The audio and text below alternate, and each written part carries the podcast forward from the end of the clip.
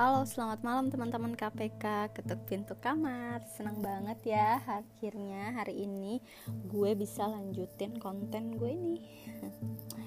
Gue tuh senang banget ya Karena hmm, Gue tuh baru tahu yang namanya Podcast gitu. Gue bisa menceritakan Apa pun yang mau gue ceritakan Tanpa harus mem memperlihatkan muka gitu sebenarnya gue juga belum tahu sih apa yang mau gue ceritain buat kalian semua. Tapi gue mau cerita sedikit tentang diri gue dan masa lalu gue. Jadi buat kalian bersyukurlah kalian kalau kalian masih punya keluarga yang utuh yang bahagia. Karena pada dasarnya gue itu uh, bukan terlahir ya tapi gue hidup di dalam keluarga yang broken home gue senang karena uh, gue bisa share pengalaman gue ini. Sebenarnya bukan karena gue mau ngumbar-ngumbar aib ya cuma gue pengen mindsetin ke orang-orang yang udah dengar cerita gue ini kalau kita ini tuh bukan orang yang lemah. Kita itu bisa kuat kok dalam keadaan apa pun dan gue pengen semua orang itu bersyukur. Karena kita itu nggak bisa milih. Kita harus terlahir di keluarga yang kayak gimana yang kaya yang uh, keluarga yang bahagia gitu. Kita nggak bisa milih. Dan gue pengen semua orang bersyukur. Karena uh, waktu itu di atas segala-galanya. Pernah nggak sih kalian tuh uh, denger istilah saat istilah yang namanya satu pohon itu bisa uh, ngebuat sejuta berjuta-juta korek api. Tapi satu korek api bisa membakar satu pohon atau bisa membakar hutan satu hutan. Jadi intinya itu keadaan itu bisa berubah kapan aja waktu itu di atas segala-galanya gitu. Ya jadi ceritanya gini gua itu bokap nyokap bokap sama nyokap gue itu udah pisah. Jadi pisahnya itu memang bokap gue ini meninggalkan nyokap gue dalam keadaan nyokap gue itu ngandung gue gitu. Jadi seumur hidup gue gue nggak pernah tahu tuh siapa bokap gue dan gue juga nggak pernah tanya ayah gue di mana siapa gitu.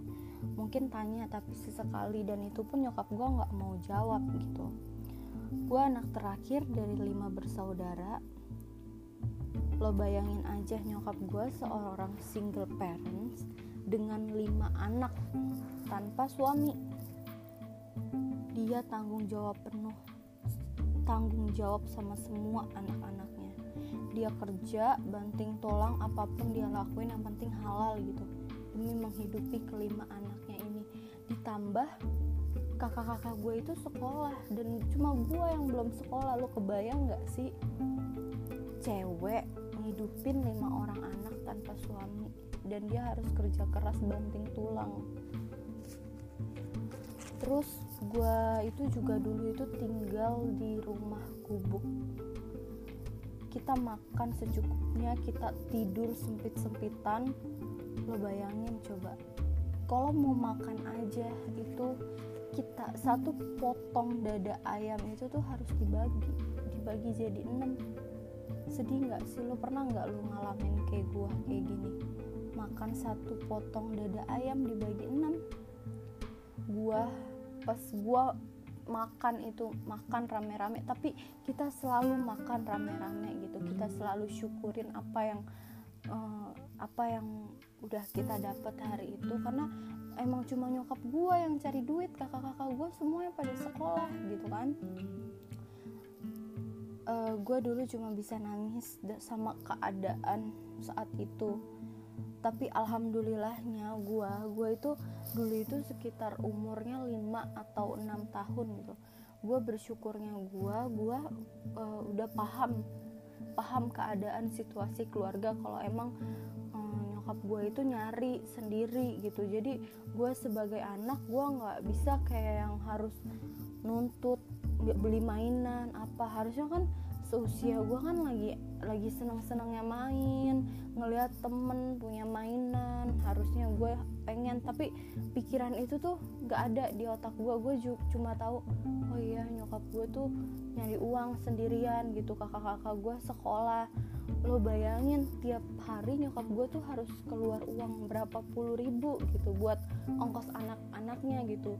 Gue cuma bisa nungguin di rumah sendirian. Gue kadang gak ditinggalin uang makan sama nyokap gue gue makan itu kalau semuanya udah di rumah kalau nyokap gue udah pulang kerja kakak gue udah pulang pulang sekolah semua biasanya itu kita makan tuh habis maghrib kayak gitu. Dan itu sehari sekali. Gue sedih banget keadaan saat itu uh, tapi gimana gitu gimana tapi sih rasa pengen gue buat pengen kayak anak-anak yang lain pengen jalan ah pengen jalan-jalan sama keluarganya pengen jajan pengen beli mainan itu pasti ada gitu rasa kayak gitu gitu. Cuma gue mikir lagi hmm, kalau gue bisa makan enak aja gue udah bersyukur banget gitu. Kalau gue bisa makan satu potong ayam tapi gue makan sendiri nggak harus dibagi enam gitu itu gue udah bersyukur banget gitu pasti kan kalian semua di sini bertanya-tanya gitu. Masa sih sesusah itu hidup gue gitu? Emangnya nggak punya saudara buat bantu gitu? Kalau cuma buat sekedar makan. Gue punya kok saudara. Nyokap gue punya saudara punya adik-adik punya mereka. Tapi ada saat di mana ketika nyokap gue tuh benar-benar yang udah nggak punya uang sama sekali. Jadi dia tuh cuma dia cuma bisa minjem ke orang tuanya istilahnya ke kakek gue lah. Dia minjem ke adik-adiknya pun. Tapi jawabannya malah apa? Kalau kalau kamu sama anak-anak kamu lapar ya udah kamu rebus aja batu. Gila lu nyesek nggak sih kalau denger itu? Gitu. Dan gua yang yang lagi nunggu kok nyokap gue belum pulang kerja ya ternyata tuh nyokap gue lagi cari-cari pinjem uang ke pinjem uang ke sana ke sini gitu. Gue sama kakak-kakak gue udah gue udah nangis gue udah lapar gini. Ya ampun kapan sih kita makan mbak? Kapan sih kita makan mas? Gue nanya gitu ke kakak-kakak gue terus akhirnya nyokap gue pulang dengan keadaan lemes gitu. Terus gue bilang dong dengan polosnya gue gue bilang gue aku lapar mau makan. Terus nyokap gue teriak terus dia tiba-tiba nangis. Kalau kalian lapar ya udah kalian rebus batu aja. Terus nyokap gue kayak tiduran terus dia nangis kayak gitu. Lo kebayang gak sih? Lo ngelihat orang tua lo kayak gitu gitu. Terus ditanya sama kakak gue gitu ibu kenapa kok ibu nangis kayak gini? Gitu. Kira dia cerita dia pinjem uang ke saudaranya tapi malah jawabannya begitu gue udah tahu gitu. Kenapa sih gitu? Kenapa sih kayak kita yang hidupnya miskin tuh nggak pernah dipandang gitu sama orang? Jangan kan sama orang lain sama saudara sendiri. Kadang memperlakukan kita kayak pengemis gitu. Padahal saat itu nyokap gue cuma pinjam uang sepuluh ribu buat ya itu buat nyambung hidup buat kasih makan anak-anaknya gitu. Yang di mana itu harusnya kan kalau misalkan adik nyokap gue berarti kan tante ya hubungannya sama gue berarti kan itu aja sama aja orang tua gue tapi dia malah responnya kayak begitu. Saat itu gue cuma bisa gue cuma bisa ikutan nangis karena nyokap gue nangis gitu. Gue nggak gue nggak tahu gitu apa yang harus gue lakuin. Sementara gue masih terlalu kecil gue ngeliat kakak gue nangis semua nangis gitu. Dan kita semua nangis dengan keadaan kelaparan. Ya, jadi itu tadi sedikit kisah masa kecil gue nanti uh, next part 2 nya gue bakal ceritain lagi. Jadi kalian jangan bosen-bosen ya denger gue cerita uh, next nanti gue bakal ceritain lagi oke okay, selamat malam Halo, selamat pagi semuanya. Wah, hari ini tanggal 17 Agustus nih. Tanggal 17 Agustus 2020. Ikut senang ya karena hari ini kan hari kemerdekaan Republik Indonesia. Uh, sedihnya kenapa? Karena tidak semeriah tahun-tahun yang biasanya. Tapi kalau kita flashback, uh, udah nggak terhitung berapa banyak nyawa dan tetes darah yang pahlawan berikan kepada kita untuk membela bangsa kita ini. Udah nggak terhitung berapa banyak doa dan harapan mereka buat Indonesia ini. Oleh karena itu, kalau bukan kita, siapa lagi yang akan melanjutkan perjuangan mereka? Dan kita sebagai pemuda-pemudi Indonesia, kita kita bantu wujudkan doa harapan mereka untuk Indonesia yang lebih baik. Indonesia ini kan kita uh, Indonesia ini kan tempat di mana kita berdiri negeri kita tercinta mari kita ikut merdekakan Indonesia ini dengan melakukan hal-hal yang positif ya dengan melakukan hal-hal yang kreatif jangan jadi pemuda-pemuda yang bandel ingat ya jangan mencemarkan jangan berbuat hal-hal negatif yang bisa mencerman mencemarkan bangsa kita ini. Masih dengan Jihan di sini. Dan di episode yang sama Jihan bakal lanjutin kisah masa kecil Jihan di mana banyak banget yang request minta diterusin episodenya. Minta diterusin gitu. Ya udah kalau misalkan emang banyak yang suka Jihan bakal terusin. Uh, eh, berarti part 3 ya ini ya. Kisah masa kecil Jihan. Nah jadi apa pun yang terjadi saat itu Jihan aku itu nggak pernah ngeluh dan selalu bersyukur akan hal-hal itu. Dan bersyukurnya lagi Jihan tuh nggak kayak anak kebanyakan yang selalu saat minta itu harus ada. Nggak nggak Jihan nggak kayak begitu. Setelah uh, Jihan pindah dari rumah gubuk itu kan Jihan kan masih ada kakak ya di atas Jihan ya. Itu kita usianya cuma beda setahun. Kakak Jihan itu jarang banget di rumah. Dia lebih nyaman tinggal di rumah kakeknya. Karena memang dia itu cucu kesayangan kakek Jihan. Gitu loh. Jadi setiap kali dia minta apa pun yang dia butuh pasti diturutin. Kehidupan Jihan sama kehidupan kakak Jihan itu berbeda banget. Walaupun kita cuma beda setahun, entah apa yang membeda-bedakan antara Jihan sama kakak Jihan, tapi kakek Jihan itu memang lebih sayang ke kakak Jihan. Ya begitulah pokoknya. Entah apa yang membeda-bedakan Jihan juga nggak tahu Sementara Jihan di sini harus tinggal sama ibu Jihan yang saat itu cuma pedagang kaki lima. Jihan udah cerita sebelumnya. Itu pun syukur-syukur Jihan dalam sehari bisa makan. Karena memang Jihan saat tinggal sama ibu Jihan itu kita cuma makan sehari sekali. Itu pun di siang hari. Pagi nggak makan, siang baru makan, setelah itu nunggu besok baru makan. Karena memang keadaan keuangan itu sulit cuma pedagang kaki lima yang dari pasar ke pasar gimana dapetin uangnya coba sementara Jian juga harus sekolah gitu kan bahkan pernah ada suatu keadaan di mana sendal Jihan tuh putus. Sendal putus aja tuh harusnya tuh tinggal beli aja. Ini kan harus nunggu dulu ibu Jihan punya uang baru baru bisa beli gitu. Sampai dipaku-pakuin tuh sampai diakalin tuh sendal gimana caranya biar masih bisa dipakai. Sesulit itu memang. Terus Jan juga pernah benar-benar ngerasa yang kayak keura kekurangan uang. Pernah benar-benar ngerasa kekurangan uang? Kekurangan uang jajan ya tapi nggak tahu gimana ngomongnya gitu. Akhirnya akhirnya karena ibu Jihan tuh orangnya kan kreatif ya dia suka masang payet-payet gitu mute-mute gitu di baju-baju akhirnya Jihan belajar sama ibu Jihan itu buat bikin gelang cincin. Terus Jihan jual ke teman-teman Jihan di kelas. Walaupun cuma dijual seharga 500 rupiah paling enggak bisa nambah uang jajan Jihan dari 2000 itu. Kan Jihan cuma jajan 2000 sementara sekolah pulang sore terus.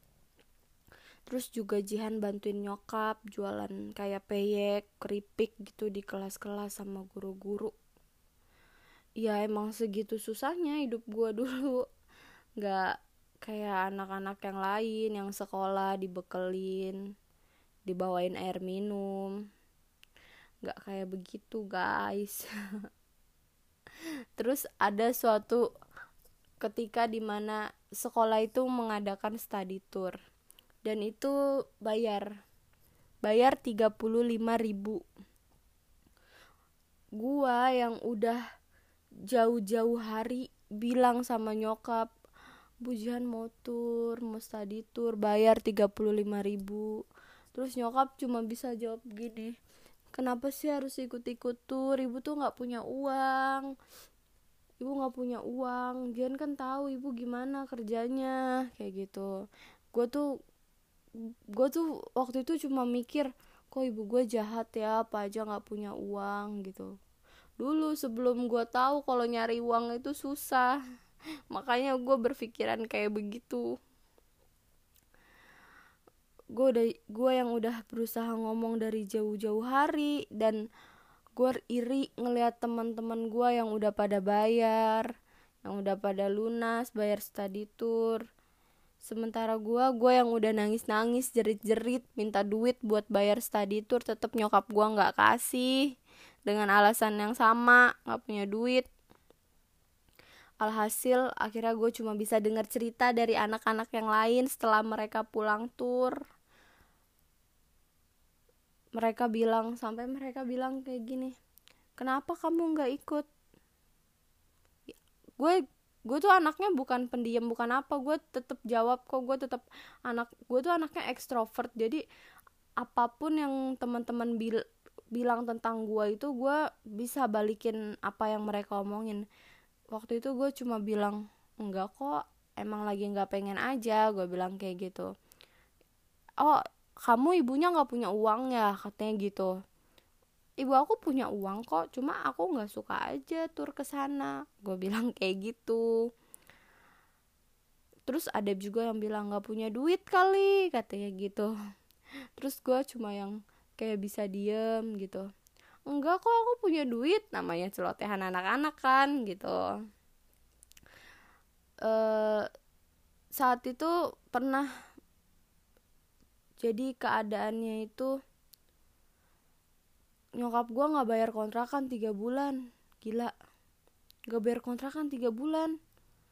Terus gue ngeliat nyokap gue itu nangis. Gue tanya dong dengan polos bu kenapa nangis dia cuma jawab nggak apa-apa Jihan.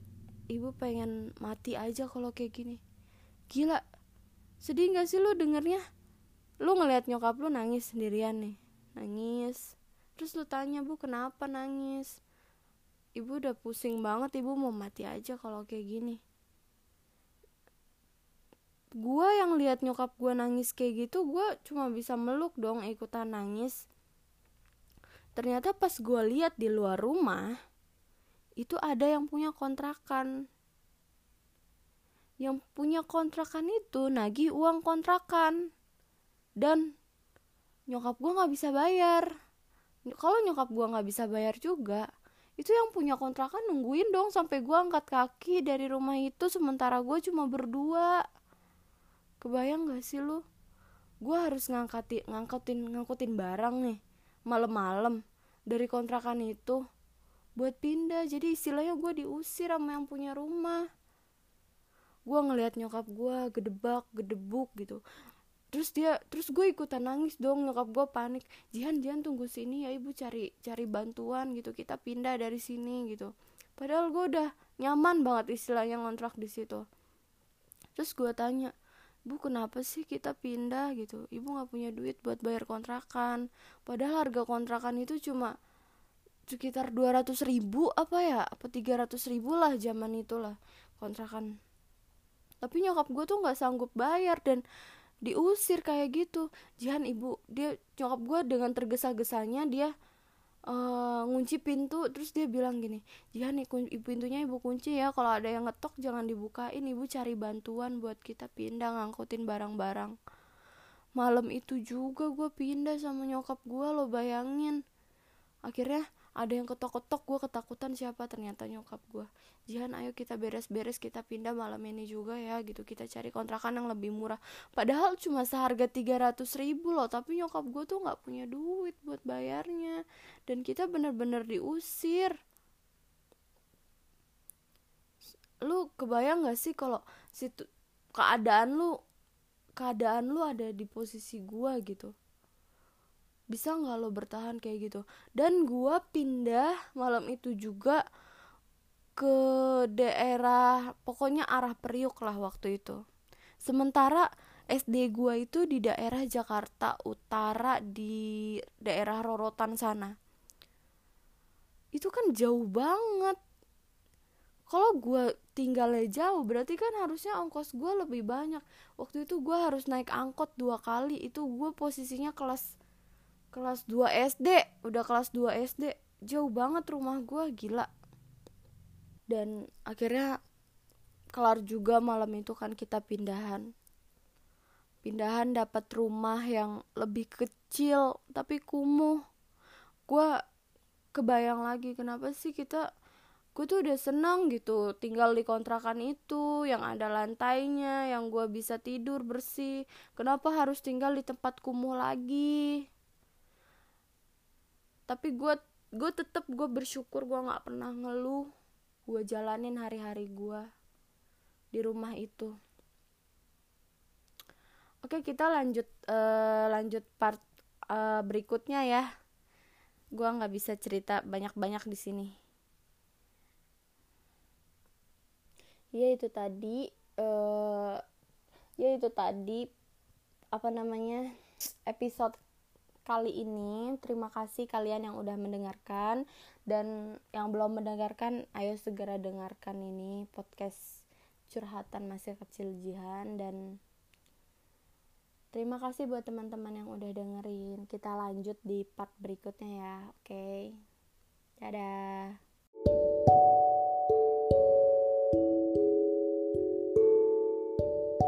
Halo, selamat pagi semuanya. Wah, hari ini tanggal 17 Agustus nih. Tanggal 17 Agustus 2020. Ikut senang ya karena hari ini kan hari kemerdekaan Republik Indonesia. Uh, sedihnya kenapa? Karena tidak semeriah tahun-tahun yang biasanya. Tapi kalau kita flashback udah nggak terhitung berapa banyak nyawa dan tetes darah yang pahlawan berikan kepada kita untuk membela bangsa kita ini. Udah nggak terhitung berapa banyak doa dan harapan mereka buat Indonesia ini. Oleh karena itu, kalau bukan kita, siapa lagi yang akan melanjutkan perjuangan mereka? Dan kita sebagai pemuda-pemudi Indonesia, kita kita bantu wujudkan doa harapan mereka untuk Indonesia yang lebih baik. Indonesia ini kan kita uh, Indonesia ini kan tempat di mana kita berdiri. Negeri kita tercinta. Mari kita ikut merdekakan Indonesia ini dengan melakukan hal-hal yang positif ya. Dengan melakukan hal-hal yang kreatif, jangan jadi pemuda-pemuda yang bandel. Ingat ya, jangan mencemarkan jangan berbuat hal-hal negatif yang bisa mencerman, mencemarkan bangsa kita ini. Masih dengan Jihan di sini. Dan di episode yang sama Jihan bakal lanjutin kisah masa kecil Jihan di mana banyak banget yang request minta diterusin episodenya. Minta diterusin gitu. Ya, ya udah kalau misalkan emang banyak yang suka Jihan bakal terusin. Uh, berarti part 3 ya ini ya.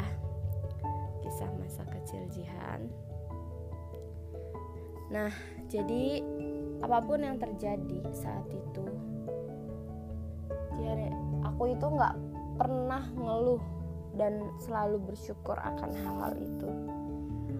Dan bersyukurnya lagi Jihan tuh nggak kayak anak kebanyakan yang selalu saat minta itu harus ada. Nggak nggak Jihan nggak kayak begitu. Setelah uh, Jihan pindah dari rumah gubuk itu kan Jihan kan masih ada kakak ya di atas Jihan ya. Itu kita usianya cuma beda setahun kakak Jihan itu jarang banget di rumah. Dia lebih nyaman tinggal di rumah kakeknya. Karena memang dia itu cucu kesayangan kakek Jihan. Gitu loh. Jadi setiap kali dia minta apa pun yang dia butuh pasti diturutin. Kehidupan Jihan sama kehidupan kakak Jihan itu berbeda banget walaupun kita cuma beda setahun entah apa yang membeda-bedakan antara Jihan sama kakak Jihan tapi kakek Jihan itu memang lebih sayang ke kakak Jihan. Ya begitulah pokoknya. Entah apa yang membeda-bedakan Jihan juga nggak tahu. Sementara Jihan di sini harus tinggal sama ibu Jihan yang saat itu cuma pedagang kaki lima. Jihan udah cerita sebelumnya. itu pun syukur-syukur Jihan dalam sehari bisa makan. Karena memang Jihan saat tinggal sama ibu Jihan itu kita cuma makan sehari sekali. Itu pun di siang hari. Pagi nggak makan siang baru makan setelah itu nunggu besok baru makan. Karena memang keadaan keuangan itu sulit. Cuma pedagang kaki lima yang dari pasar ke pasar gimana dapetin uangnya coba. Sementara Jian juga harus sekolah gitu kan bahkan pernah ada suatu keadaan di mana sendal Jihan tuh putus. Sendal putus aja tuh harusnya tuh tinggal beli aja. Ini kan harus nunggu dulu ibu Jihan punya uang baru baru bisa beli gitu. Sampai dipaku-pakuin tuh sampai diakalin tuh sendal gimana caranya biar masih bisa dipakai. Sesulit itu memang. Terus Jihan juga pernah benar-benar ngerasa yang kayak keura kekurangan uang. Pernah benar-benar ngerasa kekurangan uang? Kekurangan uang jajan ya tapi nggak tahu gimana ngomongnya gitu. Akhirnya akhirnya karena ibu Jihan tuh orangnya kan kreatif ya dia suka masang payet-payet gitu mute-mute gitu di baju-baju akhirnya Jihan belajar sama ibu Jihan itu buat bikin gelang cincin. Terus Jihan jual ke teman-teman Jihan di kelas. Walaupun cuma dijual seharga 500 rupiah paling enggak bisa nambah uang jajan Jihan dari 2000 itu. Kan Jihan cuma jajan 2000 sementara sekolah pulang sore terus. Terus juga Jihan bantuin nyokap jualan kayak peyek keripik gitu di kelas-kelas sama guru-guru ya emang segitu susahnya hidup gua dulu. Nggak kayak anak-anak yang lain yang sekolah dibekelin dibawain air minum. Nggak kayak begitu guys. Terus ada suatu ketika di mana sekolah itu mengadakan study tour. Dan itu bayar bayar 35 ribu. Gua yang udah jauh-jauh hari bilang sama nyokap bujian mau tour mau study tour bayar 35 ribu. Terus nyokap cuma bisa jawab gini kenapa sih harus ikut-ikut tur ibu tuh nggak punya uang. Ibu nggak punya uang. Jian kan tahu ibu gimana kerjanya. Kayak gitu. Gue tuh gue tuh waktu itu cuma mikir kok ibu gue jahat ya? Apa aja nggak punya uang gitu dulu sebelum gue tahu kalau nyari uang itu susah. Makanya gue berpikiran kayak begitu. Gue udah gue yang udah berusaha ngomong dari jauh-jauh hari dan gue iri ngelihat teman-teman gue yang udah pada bayar yang udah pada lunas bayar study tour. Sementara gue gue yang udah nangis-nangis jerit-jerit minta duit buat bayar study tour tetap nyokap gue nggak kasih dengan alasan yang sama nggak punya duit. Alhasil akhirnya gue cuma bisa dengar cerita dari anak-anak yang lain setelah mereka pulang tur. Mereka bilang sampai mereka bilang kayak gini kenapa kamu nggak ikut? Gue gue tuh anaknya bukan pendiam bukan apa gue tetap jawab kok gue tetap anak gue tuh anaknya ekstrovert. Jadi apa pun yang teman-teman bil bilang tentang gue itu gue bisa balikin apa yang mereka omongin. Waktu itu gue cuma bilang enggak kok emang lagi nggak pengen aja gue bilang kayak gitu. Oh kamu ibunya nggak punya uang ya? katanya gitu. Ibu aku punya uang kok cuma aku nggak suka aja tur ke sana gue bilang kayak gitu. Terus ada juga yang bilang nggak punya duit kali katanya gitu. Terus gue cuma yang kayak bisa diem gitu. Enggak kok aku punya duit namanya celotehan anak-anak kan gitu. Uh, saat itu pernah jadi keadaannya itu nyokap gue nggak bayar kontrakan tiga bulan. Gila. Gak bayar kontrakan tiga bulan. Terus gue ngeliat nyokap gue itu nangis. Gue tanya dong dengan polos bu kenapa nangis dia cuma jawab nggak apa-apa Jihan. Ibu pengen mati aja kalau kayak gini. Gila. Sedih gak sih lu dengernya? Lu ngeliat nyokap lu nangis sendirian nih. Nangis. Terus lu tanya bu kenapa nangis? Ibu udah pusing banget ibu mau mati aja kalau kayak gini. Gue yang lihat nyokap gue nangis kayak gitu gue cuma bisa meluk dong ikutan nangis ternyata pas gue lihat di luar rumah itu ada yang punya kontrakan. Yang punya kontrakan itu nagih uang kontrakan. Dan nyokap gue nggak bisa bayar. Kalau nyokap gue nggak bisa bayar juga itu yang punya kontrakan nungguin dong sampai gue angkat kaki dari rumah itu sementara gue cuma berdua. Kebayang gak sih lo gue harus ngangkatin ngangkutin ngangkutin barang nih malam-malam dari kontrakan itu buat pindah. Jadi istilahnya gue diusir sama yang punya rumah. Gue ngelihat nyokap gue gedebak gedebuk gitu. Terus dia terus gue ikutan nangis dong nyokap gue panik. Jihan Jihan tunggu sini ya ibu cari cari bantuan gitu. Kita pindah dari sini gitu. Padahal gue udah nyaman banget istilahnya ngontrak di situ. Terus gue tanya bu kenapa sih kita pindah? gitu punya duit buat bayar kontrakan. Padahal harga kontrakan itu cuma sekitar 200 ribu apa ya? Apa 300 ribu lah zaman itulah kontrakan.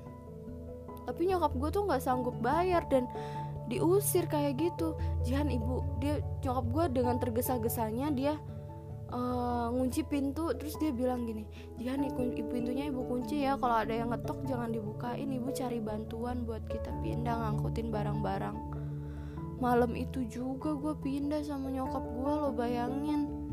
Akhirnya ada yang ketok-ketok gue ketakutan siapa ternyata nyokap gue Jihan ayo kita beres-beres kita pindah malam ini juga ya gitu. Kita cari kontrakan yang lebih murah. Padahal cuma seharga 300 ribu loh tapi nyokap gue tuh nggak punya duit buat bayarnya. Dan kita bener-bener diusir. Lu kebayang gak sih kalau situ keadaan lu keadaan lu ada di posisi gue gitu. Bisa nggak lo bertahan kayak gitu? Dan gue pindah malam itu juga ke daerah pokoknya arah Priuk lah waktu itu. Sementara SD gue itu di daerah Jakarta Utara di daerah Rorotan sana.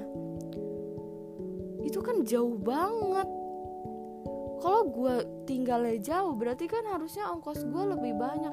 Waktu itu gue harus naik angkot dua kali. Itu gue posisinya kelas kelas 2 SD udah kelas 2 SD jauh banget rumah gue gila.